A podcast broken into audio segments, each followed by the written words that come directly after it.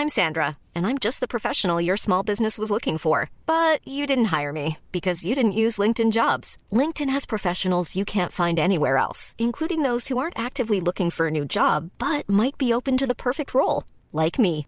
In a given month, over 70% of LinkedIn users don't visit other leading job sites. So if you're not looking on LinkedIn, you'll miss out on great candidates like Sandra. Start hiring professionals like a professional. Post your free job on linkedin.com/people today. Ryan Reynolds here from Mint Mobile. With the price of just about everything going up during inflation, we thought we'd bring our prices down. So to help us, we brought in a reverse auctioneer, which is apparently a thing. Mint Mobile unlimited premium wireless. Ready to get 30, 30, bit to get 30, bit to get 20, 20, 20, bit to get 20, 20, bit to get 15, 15, 15, 15 just 15 bucks a month. So, Give it a try at mintmobile.com slash switch. $45 upfront for three months plus taxes and fees. Promo rate for new customers for limited time. Unlimited more than 40 gigabytes per month. Slows. Full terms at mintmobile.com.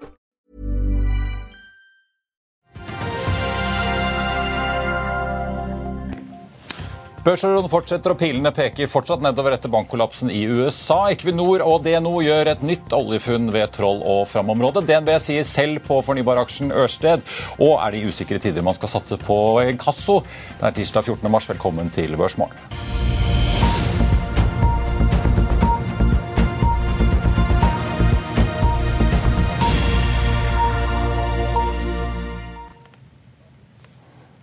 En eh, riktig god morgen alle sammen, og velkommen til oss her i Finansavisen. Mitt navn er eh, Marius Thorensen, og med meg har jeg aksjekommentator Karl Johan Målnes. Vi får også straks med oss eh, sjefen i Aksakto, Jonny Solis, som skal altså fortelle oss om inkassobransjen i disse får vi si, mildt sagt, mildt sagt interessante tidene. På Oslo Børs i går endte hovedindeksen ned 2,59 Det er altså den svakeste dagen vi har sett siden september i fjor. I dag venter Nordnett at vi starter ned rundt 0,6. DNB ligger inne med et estimat på ned 0,3% blant får vi si, interessante enkeltaksjer som vi fulgte litt med på i går. DNB, som den store bankaksjen her hjemme i Oslo, ned da 3,6% i går. PGS, som er ute og skal hente penger i obligasjonsmarkedet, endte ned 9,3% da til 10,86 kroner var helt nede og snuste på tikroningen idet de altså jakter 450 millioner dollar i obligasjonsmarkedet. På kalenderen i dag, regionalt nettverk kommer fra Norges Bank da i forkant av rentemøtet neste torsdag. Og hvis du ikke har rukket å flytte til Sveits, så kommer også skattemeldingen fra får vi si, staten i, fra og med i dag. Skal den i hvert fall rulles ut. Det ble også inflasjonstall fra USA som altså kommer 13.30, ikke 14.30 som normalt, siden amerikanerne har gått over til sommertid. På årsbasis er det altså ventet at prisveksten i februar vil ja, gå litt ned fra 6,4 til 6 blank. Kjerneinflasjonen ventet å gå fra 5,6 til 5,5 Det er da rentemøte i USA neste, i hvert fall med en beslutning som ble annonsert neste onsdag. Og Her hjemme så er også TBU ute med et nytt anslag for prisveksten her hjemme. De har jo tidligere regnet med 4,9% i år. Nå skrur de den bitte litt ned til 4,8 og skriver at av ny informasjon så er det særlig da svekkelsen av kronekursen og februartallet for KPI som har fått betydning for justeringen. Kjerneinflasjonen er for øvrig ventet på 5,3. I fjor var det jo da en konsumprisvekst i Norge ifølge SSB da på 5,8 med 3,9 på kjerneinflasjonen. Wall Street i går startet rett ned, men var volatil og hentet seg noe inn. Vi så at de tre indeksene endte litt sprikende til slutt. Der Jones ned aller mest, 0,28% Nasdaq endte faktisk opp 0,45 SMP 500 svakt i minus.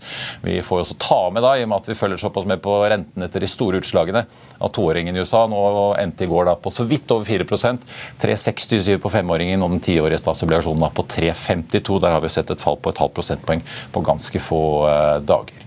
I Asia i morgentimen og i natt så har det vært ganske mye uro. Nikkei endte ned 2,2% Hang Seng lå an til å stenge ned rundt 2 mens eh, vi har sett en litt svakere nedgang da i eh, Shanghai.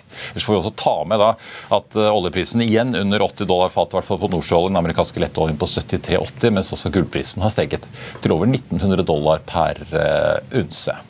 Softox skulle kommet med kvartalstall i dag. får vi si Nok en gang utsatt, og det gjør de altså igjen. I går kveld så sendte de altså melding om at det ikke kommer noen prestasjon i dag heller. De har derimot eh, sendt ut prestasjonsmateriale. De sier at de nå er i dialog med både eksisterende og potensielt da nye investorer for å hente inn 40 millioner kroner for å i hvert fall ha seks måneders finansiering frem til de regner med å få utbetalinger fra det europeiske forsvarsfondet. Selskapet lover å gi eksisterende investorer muligheten til å delta da, i en potensiell emisjon. I Kongsberg Automotive så vil styret ha en strategisk gjennomgang av selskapet. Kongsberg Automotive har også sluppet litt tall for fjerde kvartal. Og får vi også si at Sparebanken Markets nedgraderte eh, bildelleverandøren fra kjøp til hold i går. Satte kursmålet på 3,50, endte i går på 3 kroner blank. Og så sa jeg jo at eh, det er gjort eh, nye funn. Equinor og DNO melder om det, men jeg tenkte bare først å nevne at Michael Lewis er på vei ut av styret i Equinor med virkning nå fra 16.3, fordi han da skal bli sjef i tyske Uniper. Og så er det da dette funnet på, som altså er gjort på Heisenberg-prospektet Equinor opplyser at eh, det kan være inntil 84 millioner fat oljeekvivalenter med noe mer olje enn gass. Partneren er altså DNO, som kanskje får seg et løft på børsen av den eh, nyheten. Funnet er eh, kommersielt interessant, mener partene, fordi de kan knytte det relativt enkelt opp til Troll B. Og man vurderer da mer boring allerede i neste år. Geir Sørtveit, områdedirektør for leting og produksjon vest i Equinor, sier at Equinor nå har truffet på åtte av ni letebrønner i dette Fram- og Troll-området siden 2000. 2019. Og vi får også peke på at dette er da det andre funnet så langt i år. Det forrige het Røver Sjør, og Equinor har også kjøpt seg opp i dette området, som også er kjent som Fanta-området, i en deal med Welsley, som vi snakket om for ikke så veldig lenge siden. Vi skal ta inn sjefen i Aksaktor. Vi har vært tilbake med han og Karl Johan rett etter dette.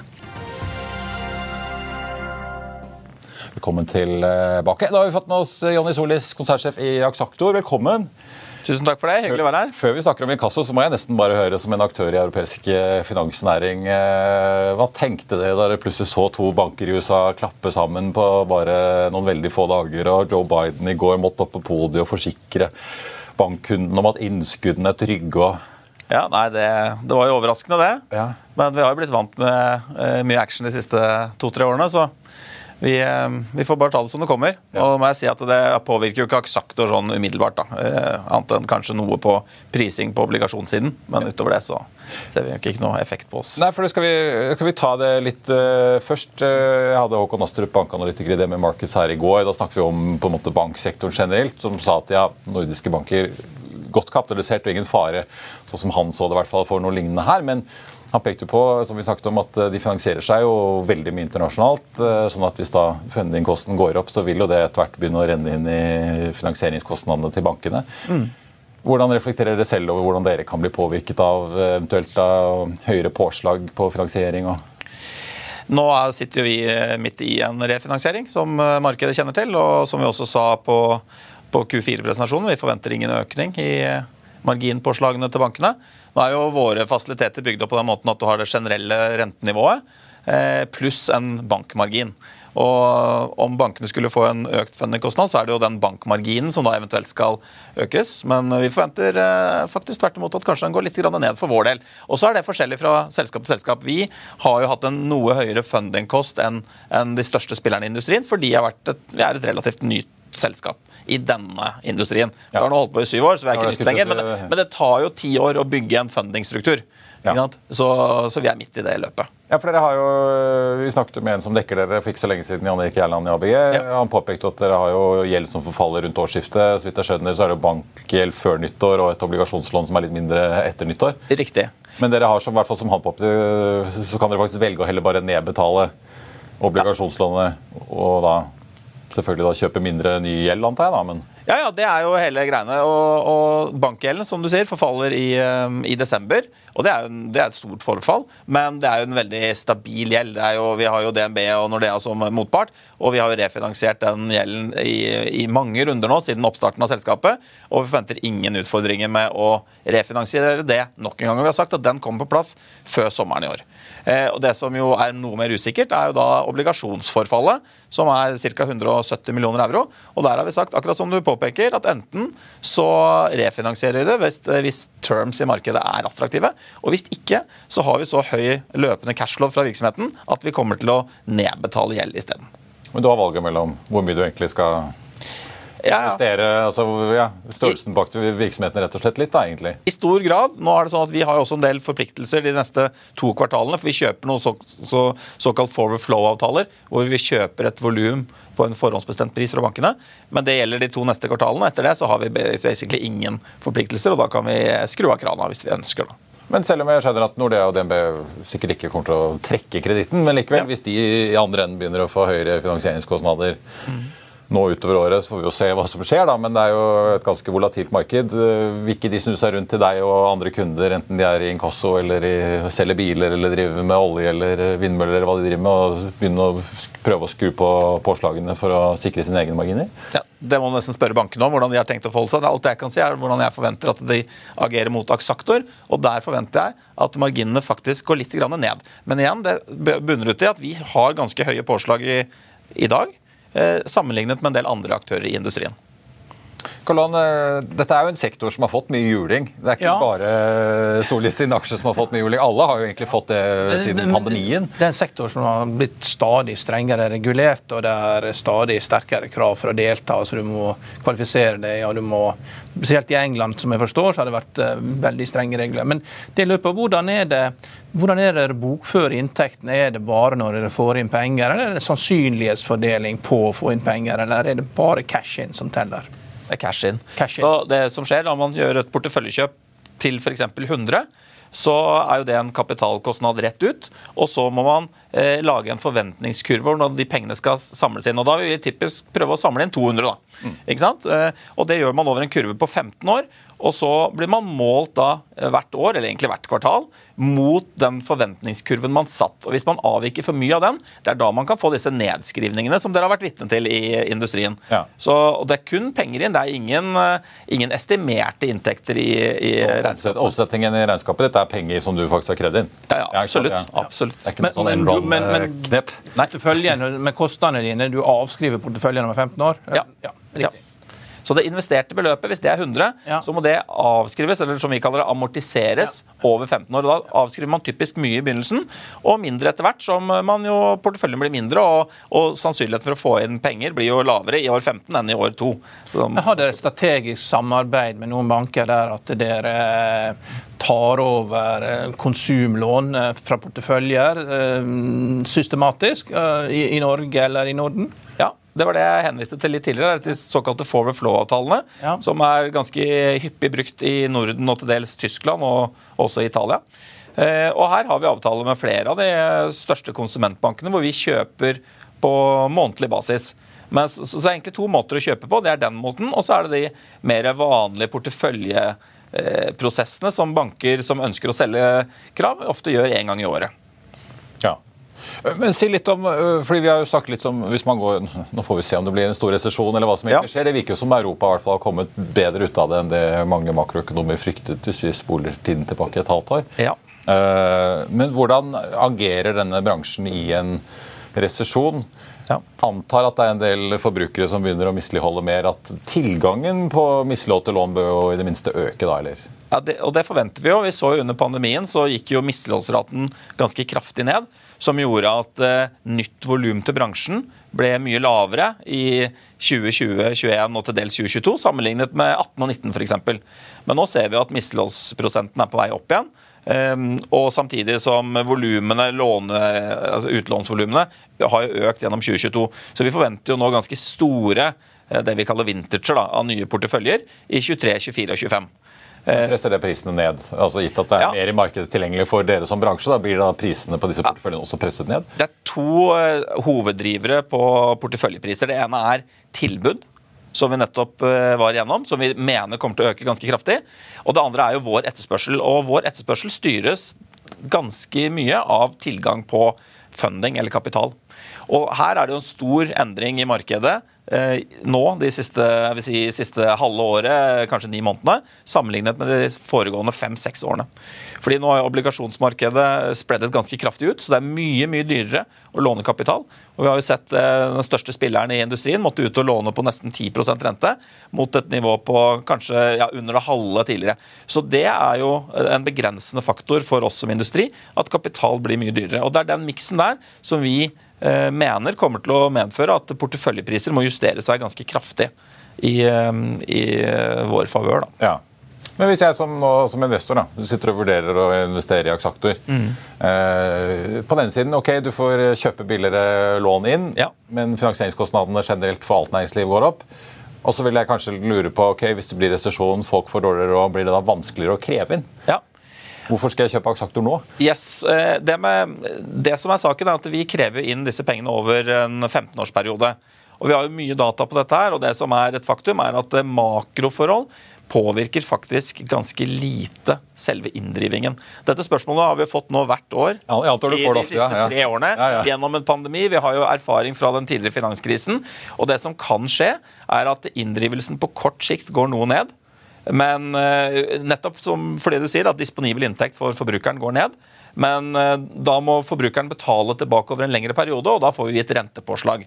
Så det, så det vi sier, er at det makro på, over et 15-årsperspektiv er egentlig det vi kaller ikke predictable. Det, det, det har egentlig ingenting å si, fordi det kan gå ned i en, en periode, så kan det gå opp igjen senere.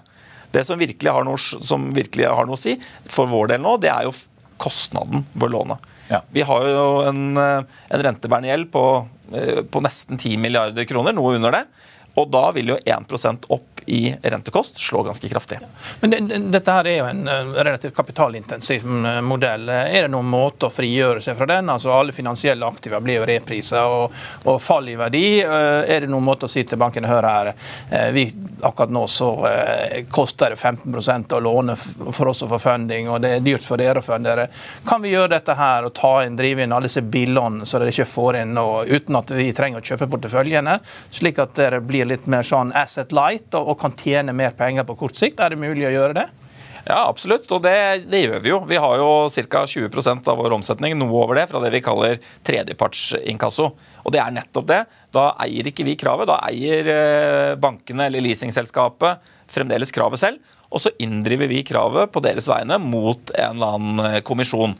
Så det er en modell som vi i Aksaktor bruker mye, og som vi forventer også kommer til å øke nå. for det, som vi sa på Q4, så tror vi det kommer til å ta en liten stund nå før prisene før liksom, eh, vi blir enige med bankene om prisene på de store volumene. Fordi de sitter jo med, i sine balanser med en eh, verdsettelse som reflekterer eh, på en måte kanskje 2022 og 2021. Jeg skal si gårsdagens rente. Ja, gårsdagens dagens. Ja. rentenivå.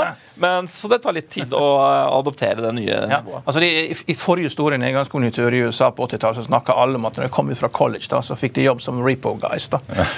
Ja. Det var, den jobben virkelig var boom. da det var å, å, å ta tilbake biler. da. Men da må vi jo også fysisk ta tilbake biler. Ja. Ja. Ja, ja. Men det, er, så det, er, men det du sier, det er egentlig litt bekvemt også for banknæringen av og til å ikke måtte selge det til dere eller konkurrenter, for at da slipper du også å nødvendigvis bokføre. Ja. Og så er det sånn at det Det bank, alle banker har ikke samme på en måte, strategi på det. her. Det finnes jo banker som nesten ikke selger, og har kravene, eier kravene og lar de ligge på tredjepartsinkasso i årevis før de kanskje, kanskje selger. Eh, Mens andre igjen ønsker å selge så fort som mulig. Typisk på dag 90 etter forfall, f.eks. Men det er kjempe, altså Svingning, Dere kjøpte jo en låneportefølje altså for 288 millioner euro i fjor. Ja. Innenfor guidingen deres. da. Ja. Men i, går, i år guider dere jo på 100-150, Ja. og så opp igjen til 200-300 neste år igjen. Ja. Den, Og det er en ganske stor svingning. Ja, det er, en, det er en stor svingning, men som jeg for, bare får understreke at 100-150 euro er fremdeles et veldig høyt beløp å investere for Aksaktor. Ja, er over en milliard, bare for de som Ja, har Sånn eurokursen i hodet. for, å, for, for å holde varelageret, som du kan kalle det, konstant, så må vi investere rett i overkant av 100. Så på 150 så vil vi fremdeles ha vekst. Og i og med at vi investerte 288 som du sa i fjor, så vil vi uansett ha minimum 10% vekst på NPL-inntektene våre inneværende år. Så, så bare så, så sette litt i perspektiv, det er fremdeles et stort tall. Det at det går ned i 2023, reflekterer nettopp det jeg var inne på, at vi tror det tar litt tid før et nytt et prisnivå etablerer seg i markedet. Og da har vi sagt at før prisene fullt ut reflekterer nytt, ny rentekost og på en måte eventuelt økt usikkerhet i inndrivelse, så kommer vi til å prioritere å nedbetale gjeld. Og Derfor sier vi at vi tror vi kommer til å investere litt mer i 2023. Hvor, god visibilitet har du eh, på kvartaler og halvår når, vi er nå liksom i gang med året? Kan du se hvordan året blir, eller er det helt random? Du vet ikke hvordan hver måned blir, eh, for det er bare uforutsigbart. Vi har veldig god visibilitet. Ok. Eh, og Det skyldes jo nettopp måten inntektene regnskapsføres på. Og det er ikke sant? Vi har en bokført verdi.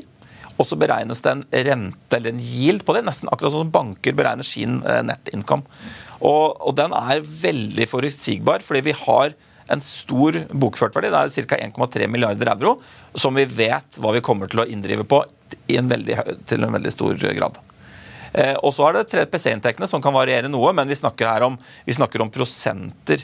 Bare for å ta et eksempel. I fjor så nådde vi 99% av det vi kaller active forecast, som er vår forventede inndrivelse. Det er ikke så mange industrier hvor du kan treffe såpass godt på på den forventede inntekten. Så jeg, tror, jeg vil si det, vil liksom, kan, det kan gå noen prosent pluss-minus. Men, men, dette er nytt. Før så har det vært litt støy rundt kvartalstallene, at man har bomma og mange har blitt skuffa. Sånn, så det. Dette at du har så god kontroll, det må jo være nytt. Ellers har du ikke hatt den støyen i aksjen før. Det, jeg regner med du henviser til nedskrivningene som ble foretatt for et par år tilbake. Det er en ganske, mm, akkurat det var en relativt isolert hendelse. for Vi kjøpte en del porteføljer i 2016, 2017 og 2018 til en for høy pris. Da var markedet mm, liksom glohett. Og det er veldig mange aktører som kjøpte for dyrt i den perioden. Og vi var tidlig ute med å skrive ned deler av det. Eh, så, så, vi ser at eh, på våre vintager da, så, så er det vintager altså som er gamle lån. på gamle lån, ja. som vi ikke klarer å nå denne kurven som jeg nevnte tidligere, denne 15-årskurven. Og da må man skrive ned hvis man ser at man avviker for mye fra den. Nå ser vi at de vintagene vi har gjort i 2021 og 2022 er av mye høyere kvalitet. Og vi forventer ikke samme eh, nedskrivninger på de, selvfølgelig. Men litt sånn, i og med at dere har fingeren på pulsen litt, da, hvor er det dere eventuelt ser at det er eh, mye oppgang i mislighold?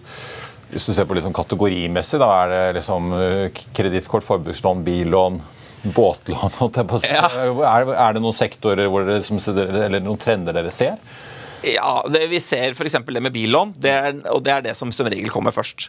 Det er det, og det er antageligvis fordi det er kanskje en viss type luksus over det. Så personer som har leaset biler, det, det, noe av det første vi ser, er at de slutter å betale leasingen, og så må man inn og hente inn biler. Så det vi ser at mislighold på billån, det er ganske kraftig opp. Ja. I eh, Norge eller Europa generelt? Ja, i Norge. Ja. Det er det, jeg, det jeg refererer til nå. Men jeg vil anta det nok eh, det er, det er ganske likt eh, land for land. Det er jo kanskje den sterkeste trenden som vi ser akkurat nå. Men igjen så må jeg si at vi kommer fra veldig lave mislighold gjennom pandemien. Så fremdeles selv om det er en økning og kraftig økning, så er vi fremdeles ikke på 2019-nivå. Men vi forventer jo at vi kommer til å ta en 2019 eh, og, og, øke på etter hvert som vi kommer inn i 2023, kanskje 24. Og Vi har jo sett taktskifte ved at vi har gått fra positivt sparerate til å nå ser det i hvert fall ut på SSB-tallene til at ja. det er i minus. Også hvis man korrigerer for det store bilsalget i, i desember for å rekke avgiftene. Yes. Sånn at folk begynner netto å tømme litt ut av de sparekontoene og aksjekontoene og alt mulig de har satt penger i. Ja. Ja. Det tror jeg er en riktig observasjon. Uten at vi sitter på så mye data som bankene og de som analyserer dette til daglig, så tror jeg det er en ganske god observasjon. Når, når du ser på P-tallet på aksjen, den er blitt en av de billigste på Oslo Børs. Liksom, Prisene omtrent nede på en oljeaksje på 100 dollar olje, liksom P4-5 og ja. Eh, hva tenker du da hva, rundt dette? her? At aksjen er for billig, at eh, folk ikke forstår dette? her. Men selv analytikerne har jo bare kursmål 10-15% over. Er det noen grunn til Ligger det risiko bak dette her, at dere må investere sterkt, som gjør at det er riktig PR, dette her, syns du? Nei, altså, nå, Hvis man snakker om prising, så tror jeg vi begynner med sektoren. Så jeg si at Hele sektoren er jo, eh, under, er jo out of favor, som vi sier. Det, det har ikke vært spesielt hot som, eh, som investerings... Eh, ja, for Du lå på rundt 20 kroner aksjen, nå er du på drøye 6. Ja, ikke sant? Så det, så det, har jo skjedd noe der. men det Eh, og vi er ned kraftig, men hvis du ser på eh, flere av konkurrentene våre, så har de egentlig akkurat samme eh, utvikling. Og så er det riktig at vi nok har falt mest.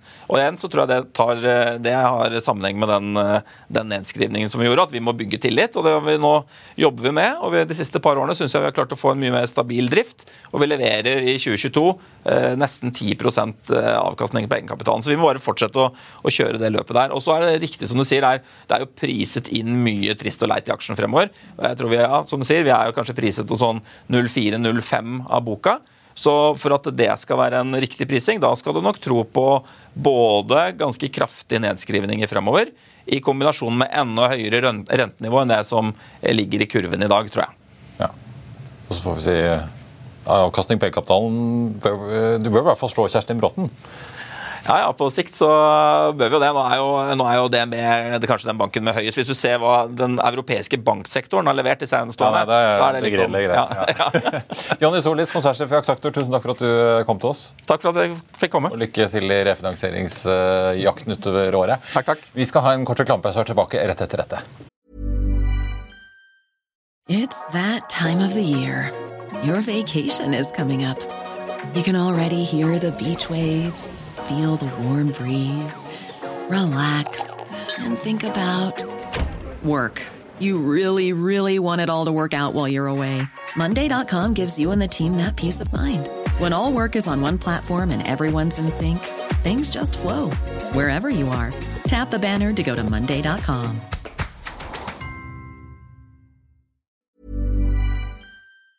I'll see you in court. Vi sier det ofte litt på spøk, men for deg som driver business, er det aldri moro å innse at du ikke har laget en 100% gyldig kontrakt. Du bør ikke risikere hele firmaet ditt fordi du synes dette med kontrakter er litt stress. En avtale er ikke en avtale. Du kan miste kunder, miste venner, ja, til og med miste inntekter om du ikke lager en skikkelig kontrakt, på alt mulig, egentlig. Men vi vet det er et styr. Kopimaskiner, tregprinter og haugevis av papir. Dessuten stoler vi jo på folk her i landet.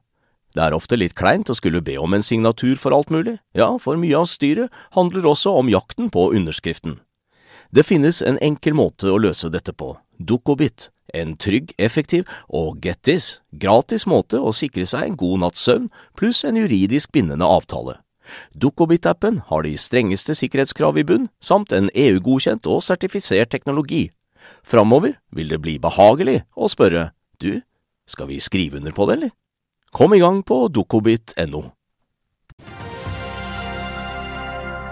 Velkommen tilbake. Hovedindeksen på Oslo Børs starter ned 0,3% i dag, da etter fallet i går, som var det kraftigste vi har sett da siden i fjor høst. Får vi ta med Equinor og DNO, som altså har gjort et nytt oljefunn. Begge to litt ned 1,4% på Equinor, ned 0,95 på DNO. Aker BP ned 1,25, så det ser jo ut til at vi får en relativt tung dag blant de store aksjene i dag. Karl Johan, vi må nesten snakke litt om for Vi skal komme til Wall Street, men PGS og Archer, Archer nå under en krone under emisjons kursen altså ned 16 til i dag. PGS fortsetter det drøye 2 da, som vi skriver om i avisen i dag. eh, Midt i en eh, pengejakt eh, på 450 millioner dollar for å erstatte Ja. lånet som forfaller neste år på 600. Ja. Nei, det blir tøft for PGS, eh, dette her. Men eh, det er jo litt viktig hva som skjer faktisk i USA uh, framover, med rentene og med inflasjonen, for at de skal lykkes. Så det er jo veldig usikkert. Det er jo inflasjonstall i dag. og Går vi mot stagflasjon, så blir jo det ille for alle. Men PGS, hvorfor skal du gjøre alt i obligasjoner? da? Vi har jo hatt eh, smarte folk inn her som har sagt hvorfor ikke gjøre litt i aksjer, litt i konvertible og litt i obligasjoner. For da tapper jo i, i, i tre forskjellige du må jo prøve å tappe i så mange sånne basseng som mulig, så mange land som mulig. og Når du har bare obligasjoner, da, så er det, det er jo veldig enkelt. Men de hentet jo penger i en egenkapital, altså en emisjon før jul. eh, jo, men eh, når du da skal eh, det, det er jo så mye, det er nesten 5 milliarder kroner. Og eh, det er liksom, renta er ikke null lenger. Eh, Det virker som at den planen her eh, er lagt i et litt annet klima.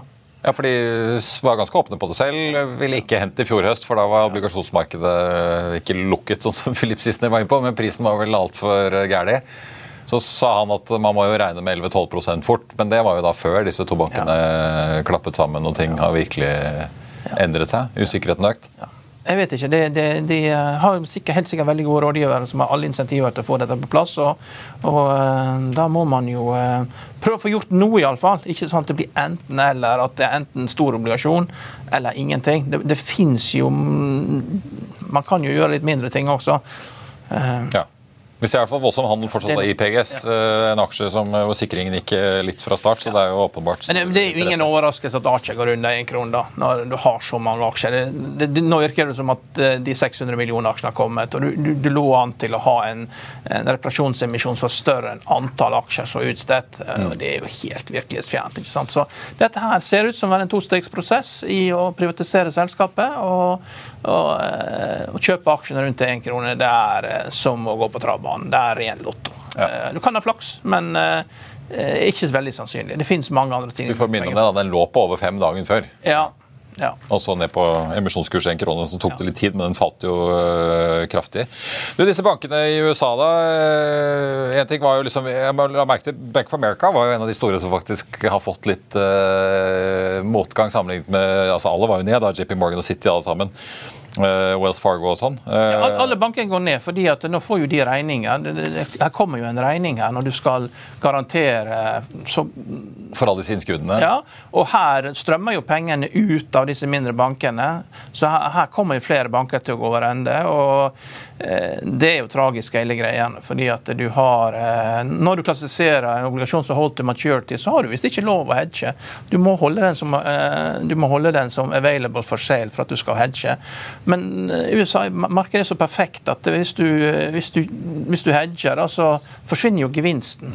Og så er jo det også sånn at alle detaljene kommer ut. da, så, så Rundt emisjonen på Silicon Valley Bank, så, så, alle sier jo det at eh, man skulle ha gjort emisjonen først, og så skulle man solgt obligasjonene. Men det var jo Goldman som satt med begge to, og de så sikkert ikke fikk det De fikk ikke til å gjøre aksjeemisjonen det hadde General Atlantic da, med 500 millioner, ingen andre vil ta dette. her, Så dumpa de bare obligasjonene. Ja. Og, og det, det, er jo, det, er jo, aldri et fall uten at det er kontroverser rundt Goldman. og at de, no, no. De er alltid ja, finurlige med evne å alltid være med på moroa. Men, men, men det, det, er en interessant situasjon, dette. For nå, eh, nå eh, Vi hadde jo First Republic ned nesten 62 i går. Har jo falt masse tidligere, den aksjen. Eh, bare sjekket historikken. Den som var på over 200 dollar under pandemien. Nå var den i går på 31 dollar. Ja. Det er jo nesten på en måte ikke verdien. En av de store gås vanlige bankene på en, vestkysten. JP Morgan og Federal Reserve inn og, stilte med likviditet. Du, altså, nå, nå, nå får foreligger det tabeller da, på Twitter med alle bankene som, eh, som ligger verst an.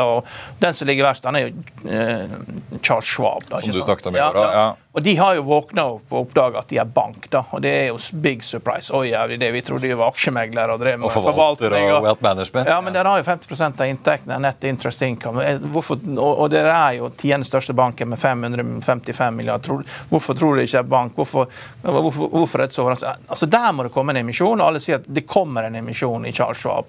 Men, men det, det, løser jo bare Det er en ganske stor institusjon, altså. Ja, det er veldig stort. Ja, og, og den var ned nesten 20 før den ble stanset. Ja, den, Endte ned 11 eller 12 men Det er 100 milliarder dollar som er tapt i markedsverdi, og det er 50 milliarder igjen. Men det er et isolert problem. Men så må du til, og så må du uh, Du må rekapitalisere hele det amerikanske bankvesenet for høyere renter. Og hvis vi nå får et varmt inflasjonstall i, uh, i kveld eller i ettermiddag, så, så går vi mot stagflasjon. Og da blir det enda verre. Eh, så, så, det er dette her Jeg skal skrive om dette her i dag i kommentaren og, og sortere disse tingene ut, hva som skjer. Og så blir utfallet litt avhengig av hvor hett eh, inflasjonstallet blir. Eh, det kan jo hende man har flaks at det ikke blir så ille, men, men, men, det man skal huske på at dette her er bare sånn spesialbanker foreløpig. Vi har ennå ikke hatt den store kreditteventen, men får du en het inflasjon og økte renter, så, får, så, er det noen eiendomsselskaper som går konk, altså, og som kan rive med seg større banker. Og, men så har jo da USA sagt de skal, hele bankvesenet skal, de skal ta vare på hele bankvesenet. Så all aksjekapitalen er et risk, obligasjonen er et risk, vi tar vare på innskytterne. Ja, for det skiller de tydelig på. Ja, og ja, kostnaden, ved, ja. kostnaden ved dette her vil bli velta over på alle bankene som overlever. Og dermed så går kapitalkostnaden opp. Mm. Sannsynligvis ikke bare i Norge, som vi sagt om Håkon Astrup i går. Ja. Man må regne med at det går opp her òg. Men ja. det er jo interessant også både, både, i denne Signature Bank i, i, New York og Silicon Valley Bank, så brukte jo FDIC og Federal Reserve uh, dette begrepet de kan bruke med at eh, de anser det som systemisk risiko. Ja. Og dermed må liksom alle innskuddene garanteres ikke bare opp til den vanlige grensen på 250 000 dollar. litt som du sier. Da er det jo nesten endeløse summer du skal garantere. Ja. Men, men igjen, bankene skal betale for dette. Så, så, så, det er litt sånn be careful what you wish for. altså De, de bør ikke drive og oppfordre folk til å ta ut penger fra disse småbankene. Og igjen da, så, Men nå begynner vi å bevege oss inn i politisk territorium. For alle småbankene er jo i det vi kaller flyover country. da. Det er jo alle statene mellom Appalachian Mountains og, og, eh, og Rocky Mountains. Eh, det er jo de eh, statene hvor republikanerne styrer. Og, og De kan ikke miste alle bankene sine. For det var jo et av problemene med subprime var jo at det var allerede da for mange store banker. Så du, du, må jo ha lokale banker som følger med. fordi veldig mye av et bankvesen er jo bygd opp på utlån av boliger. Det er jo En av de viktigste tingene i et samfunn er jo at folk får tilgang til kreditt. Og, og, og, og, beste måten å gi folk den tilgangen til kreditt, er at de kjøper sin egen bolig. Og du har jo liksom Federal eh, FHA, da, Federal Loans, eh, og der trenger du liksom bare 3% egenkapital. Og, der har de også gått inn og garantert for de uh, obligasjonene der. Så, men det dekker jo bare de fattigste. Mm. Så men jeg synes det var interessant han uh, Double Line, Jeffrey Gunlock, uh, var på CNBC i går kveld. Snakket egentlig om, eh, om sin 40 år karriere i finans, og at eh, det har egentlig bare vært fallende renter. Ja. I hvert fall i det store jevnt og trutt helt frem til nå. da. Og så snakket han om high yield-markedet, som han bare mente man måtte bare sky som pesten. egentlig. Og Poenget hans var jo egentlig litt interessant. at Hvis du, ja, hvis du ikke ser på enkeltselskapet, men ser det store, så har egentlig high yield bare alltid blitt refinansiert i en verden hvor rentene bare blir stadig, stadig lavere. Mens nå skal det refinansieres plutselig andre veien. Sånn at dette er gjeld som egentlig aldri reelt sett blir nedbetalt. Da. Den blir bare rullet og rullet og rullet til stadig lavere renter. Jo, men hvis du tar sikkerhet, da, så tar du over selskapene med den Ja. gjelden. Det er finessen. Det er selvfølgelig finessen. Hvis du har det. Det, det skjer. Det kommer til å skje mer og mer. Ma mange husker at Nordea ble sittende med noen supply-båter her under oljebremsen. Jo, men eh, Norge, norsk bankvesen er litt annerledes. Altså Norge, altså. Ja, ja, jeg tenker mer Så- sånn, men eh, det, Ja, ja, det har skjedd annerledes. før at folk må ta sikkerheten, altså ta pantet sitt, og, Ja. fordi at eh, de som har lånt penger, ikke kan gjøre opp for seg. Norske banker er både snille og slemme. altså De er ikke rå i at de liksom går inn og likviderer ting, da, men de holder jo fast. da. Det, det er jo ikke noen sånn nåde liksom til slutt. De, du henger jo i foten din til at det liksom Men jeg syns det er en interessant på en måte observasjon sånn uh, fra luften. da. Ja. Ja. Ja, men det, det er mye som skal skje nå, og uh, det er, uh, det er tror, men, men igjen, da, så hver dag så blir det noe nytt, og inflasjonstallene som kommer i dag, blir viktige fordi at de avgjør om vi får mindre inflasjon, eller om vi får stagflasjon. Eh, vi går i den retninga. og, det påvirker jo også de valgene som blir tatt av sentralbanken neste uke. Så eh, hver dag så blir det liksom ny kursendring, og så må man eh, men, men at det vil komme masse bankemisjoner, det er helt sikkert. Det må rekapitaliseres, fordi at det er den durasjonsfeilen som har hatt her, at man har eh, sitter med for, mye lange obligasjoner, og at mange ikke har skjønt, til og med ikke skjønt at vi har banker, eh, det, det koster nå. Jeg tror vi må snakke mer om eh, bank. På veien eh, på si, inn mot slutten her, så tenkte jeg også Jeg nevnte jo i introen at eh, DNB sier selv på fornybar, for de tar nemlig opp nå dekning på danske Ørsted og sier selv med et kursmål da på 470 danske. Den endte i går på 5,87, ned en, ja, en, rundt halvprosenten i til 5,84.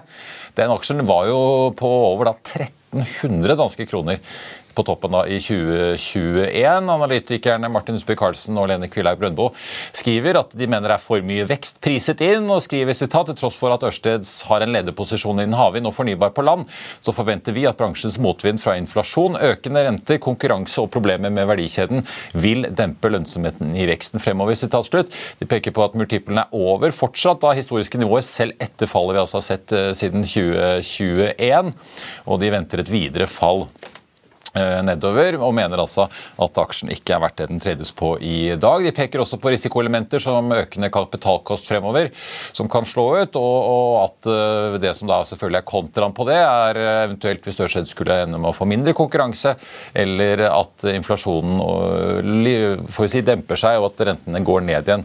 Det kan altså tale for motsatt eh, retning. Så får vi også ta med at Ørsted har rundt 9 gigawatt i havvind og drøye 4 i annen fornybar energi installert. Det er omtrent eh, det målet som Equinor altså har for 2030, så der er Ørsted allerede i dag. Og så får vi også si da, for de som husker tilbake til januar, at Ørsted den gangen sendte ut et resultatvarsel hvor de altså bl.a. varslet nedskrivninger på et stort havvindprosjekt i USA på 2,5 milliarder danske kroner, som følge av en del av de faktorene som DNB trekker frem i sin analyse. Hovedindeksen på Oslo Børs nå ned 0,4% Aksaktor er vel en av de aksjene som faktisk er eh, litt i pluss i dag, opp 1 som vi akkurat snakket med. DNO og eh, Equinor begge ned drøye ja, mellom eh, 1,4 og 1,9 da. De har også gjort et funn like ved Trollfeltet. PGS fortsatt nest mest omsatt på børsen, men sliter altså med en ny nedgang i dag på drøyt 3 Archer tredje mest omsatt over DNB. Archer ned til under emisjonskurs på en krone, ligger nå på 94 øre, ned nesten 17% Og så har vi DNB, som jo falt en god del i går. Litt mer forsiktig i dag, men fortsatt i minus, ned 0,2% på en oljepris som også igjen er under 80 dollar eh, fatet. Det var børsmålen for denne tirsdag 14. mars. mars. Husk å få med deg Økonominyhetene klokken 14.30. Da får vi med oss Petoro-sjef Kristin Kragseth, som er ute med sine tall for fjerde kvartal. Og vi får også med en av Carnegies renteforvaltere i eh, Stockholm. I mellomtiden så får du siste nytt på FA1 og gjennom hele dagen. Ha en riktig god børstirsdag alle sammen. Vi ses.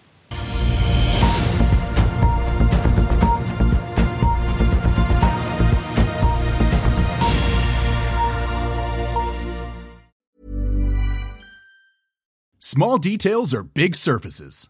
Tight corners or odd shapes. Flat, rounded, textured, or tall. Whatever your next project, there's a spray paint pattern that's just right. Because Rust new Custom Spray 5 in 1 gives you control with five different spray patterns.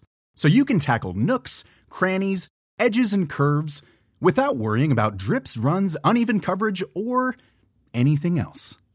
Custom Spray 5 in 1. Only from Rust Hey, it's Danny Pellegrino from Everything Iconic. Ready to upgrade your style game without blowing your budget? Check out Quince. They've got all the good stuff shirts and polos, activewear, and fine leather goods, all at 50 to 80% less than other high end brands. And the best part? They're all about safe, ethical, and responsible manufacturing. Get that luxury vibe without the luxury price tag. Hit up quince.com slash upgrade for free shipping and 365 day returns on your next order. That's quince.com slash upgrade. When you need mealtime inspiration, it's worth shopping Kroger, where you'll find over 30,000 mouthwatering choices that excite your inner foodie. And no matter what tasty choice you make, you'll enjoy our everyday low prices, plus extra ways to save, like digital coupons worth over $600 each week. You can also save up to $1 off per gallon at the pump with fuel points. More savings and more inspiring flavors make shopping Kroger worth it every time. Kroger, fresh for everyone. Fuel restrictions apply. Økonominyhetene er en podkast fra Finansavisen. Programledere er Marius Lorentzen, Stein Ove Haugen og Benedikte Storm Bamvik. Produsenter er Lars Brenden Skram og Bashar Johar. Og ansvarlig redaktør er Trygve Hegnar.